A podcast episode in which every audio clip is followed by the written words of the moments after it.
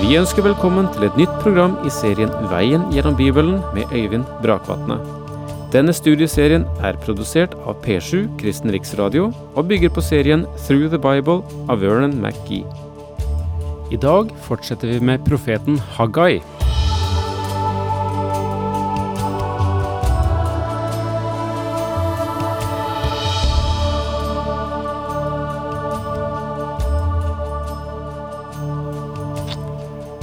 Jeg har en sønn som har kjøpt et eldgammelt hus.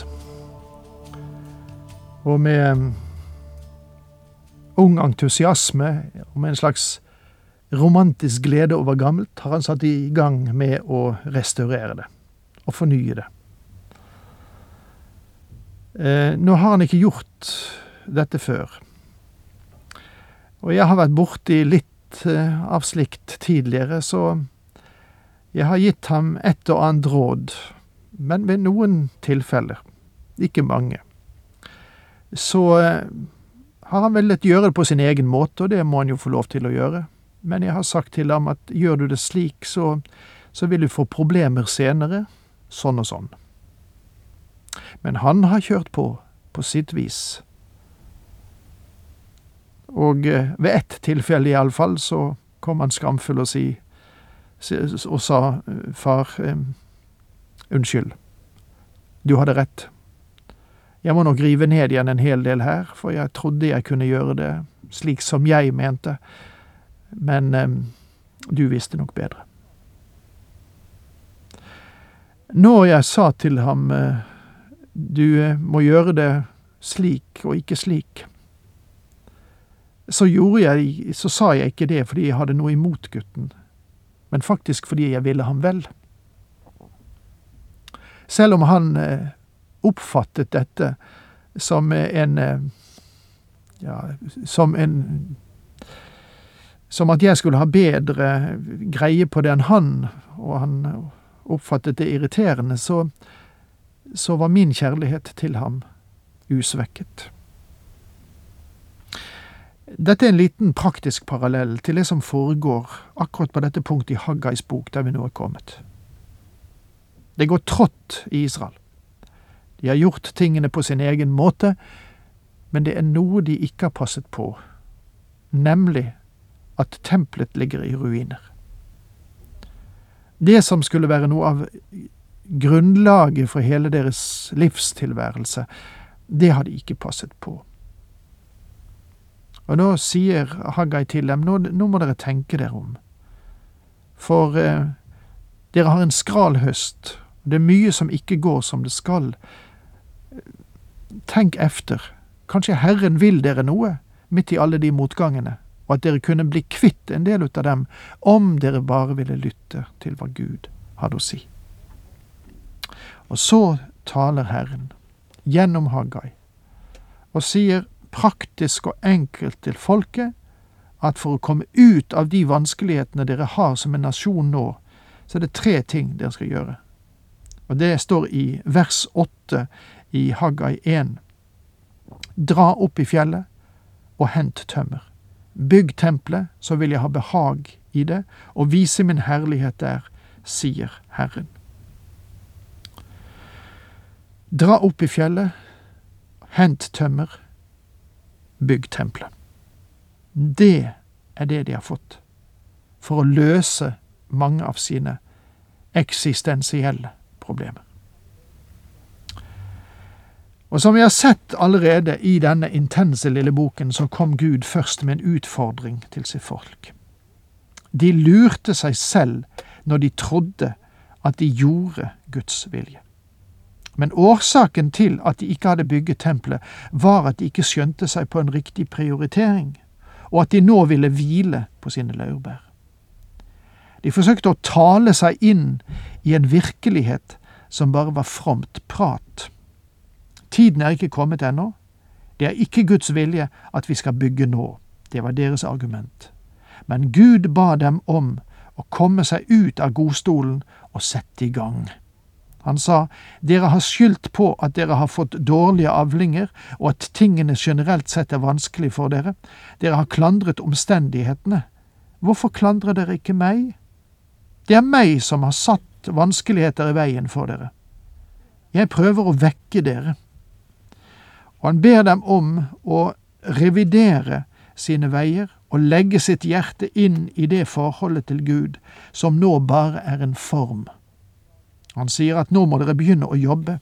Han anklaget dem for at de var i en interessekonflikt med Gud, at han ba dem om å tenke seg om, og han ber dem nå om å begynne byggingen av tempelet. Og Det er i grunnen ganske enkelt. Dra opp i fjellet og hent tømmer. Dere kan ikke vente at tømmerstokkene skal komme rullende ned til dere. Det er deres oppgave å gå til verket.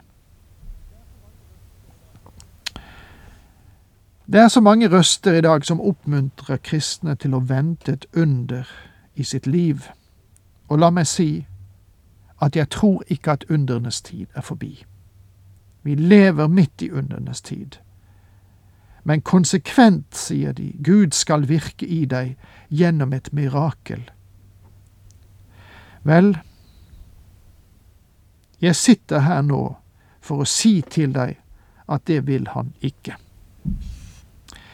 Det ville vært enkelt for noen å komme og si til israelitten at de nå måtte vente et under, men Gud sier, dra opp i fjellet og hent tømmer, gjør jobben. Mine venner, det er ingen snarvei inn i vår tjeneste for Gud. For å være ærlig, mine venner, så er lathet mye av årsaken til at en del troende ikke er kommet lenger. At en del søndagsskolelærere kan være dårlige søndagsskolelærere, og likeledes at en menighet ikke er kjent for sin omsorg. Lathet og kristenliv hører ikke sammen. Og jeg tror aldri at Den hellige ånd vil noensinne velsigne lathet. I de ordene vi har foran oss nå, er det egentlig en trefoldig appell. For det første er det en appell til tanken. Gud sa til dem helt fra begynnelsen, dere sier at det ikke er nå tid til å bygge Guds hus. Jeg vil at dere skal tenke dere om, hvordan kan det ha seg at dere lever selv i så vakre hjem? Det var hans appell til tanken, til sinnet. Og for det andre så appellerte han til hjertet. Han ba dem om å vurdere og plassere sitt hjerte inn i det som hadde med Guds sak å gjøre. Det hadde de ikke gjort, men det var Guds utfordring. Og for det tredje, Gud ga dem en ordre, og denne befaling var en appell til viljen. Dra opp i fjellet, hent tømmer, bygg tempelet. Så enkelt, og likevel så viktig. Faktisk er Haggais bok for enkelt, synes mange, til å ha en plass innenfor Guds ord. Det burde vært litt mer komplisert. Men Haggai ga folk en preken. Han sa dra opp i fjellet. Det er det første poenget. Deretter sa han hent tømmer, og det er det andre punktet. Og deretter sa han bygg tempelet. Det er det tredje poenget. Dette var Guds enkle instrukser for en ny fremtid i dette folket. Det var ikke noe mer å si, men det var mye å gjøre. Nå forklarer Gud hvorfor Israels folk har hatt en så vanskelig tid. Hør, da går vi fortsatt inn i denne teksten. Vi er i vers 9. Dere venter mye, men se, det blir lite. Dere får det i hus, men jeg blåser det bort. Hvorfor, sier Herren allherrs Gud, fordi mitt tempel ligger i grus, mens dere er travelt opptatt hver med sitt eget hus. Dere er travelt opptatt hver med sitt eget hus. Det forteller litt om den entusiasme og det engasjement som de la inn i anstrengelsene for sine egne interesser og sine egne hjem. De hadde undret på hvorfor alle disse vanskelighetene hadde kommet i veien for dem, men de var for fromme til å klandre Gud og de påstod at de hadde vanskelige omstendigheter. Det var et dårlig år. Vi eh, hadde tørkekatastrofe, vet du, ville de ha sagt. Men Gud sa til dem, Jeg vil at dere skal vite at det var meg som forårsaket denne tørken. Jeg så hvilken vei det bar med dere, og jeg vil si hvorfor jeg gjorde det jeg gjorde. Det er fordi mitt hus ligger i ruiner, og dere har all verdens tid og all verdens investeringer gjøre på deres eget. La meg gjenta at den Herre Jesus nedfelte det store prinsippet i Haggais bok, som kan tillempes ethvert folk til alle tider, da han sa, Men søk først Guds rike og Hans rettferdighet, så skal dere få alt annet i tilgift. Matteus 6, vers 33. Når Gud settes først i våre liv, er det så mye annet som vil ta hånd om seg selv. Og hvilket budskap dette egentlig er. Og likevel er det så enkelt, og jeg er redd for at vi skal tape det av syne. Derfor holder himmelen duggen tilbake, og jorden gir ikke grøde. Naturlig nok ble det ikke noe avling når det ikke kom regn. Hveten og byggen ville ikke gro, og vinrankene bar ingen frukt. Gud sier, Jeg skrudde igjen kranene. Jeg ga dere ikke noe vann. I vårt samfunn tolker vi ikke livet slik. Fordi vi lever i et mekanisk samfunn, en elektronisk tidsalder, så skylder vi våre problemer på en eller annen som glemte å trykke på en knapp, eller trykket på den feile knappen, eller ikke ga beskjed i tide. Jeg undrer på hva som ville ha hendt hvis Gud hadde gått gjennom landet vårt og sagt Hør her, hadde noen gang foresvevet dere at jeg kan stå bak de problemene dere har?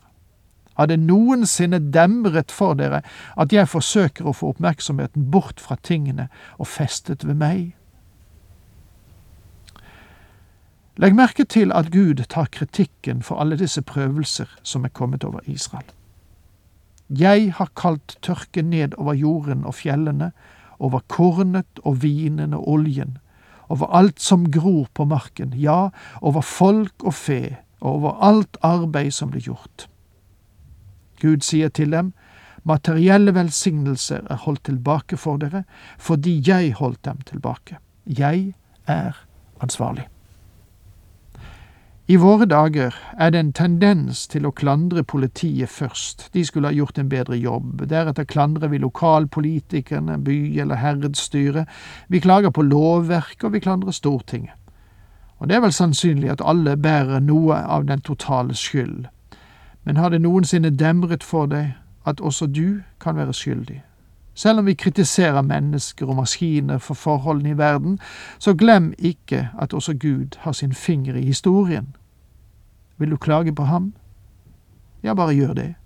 Han sa til Israel at det var han som var ansvarlig, men han hadde også fortalt dem hvorfor. De hadde neglisjert ham. Du skjønner at løsningen på våre problemer er ofte enklere enn vi vil ha det til, og likevel er det komplisert. Vi tror at hvis vi setter inn en ny metode eller en ny maskin eller et nytt menneske eller en ny miljøplan, så vil våre problemer bli løst.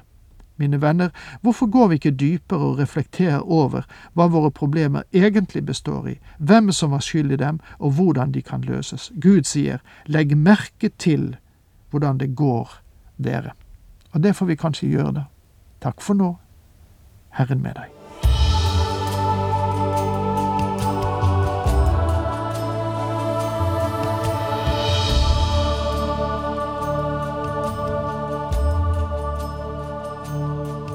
Du hørte Øyvind Brakvatne i studieserien Veien gjennom Bibelen. Serien bygger på et manus av Vern McGee.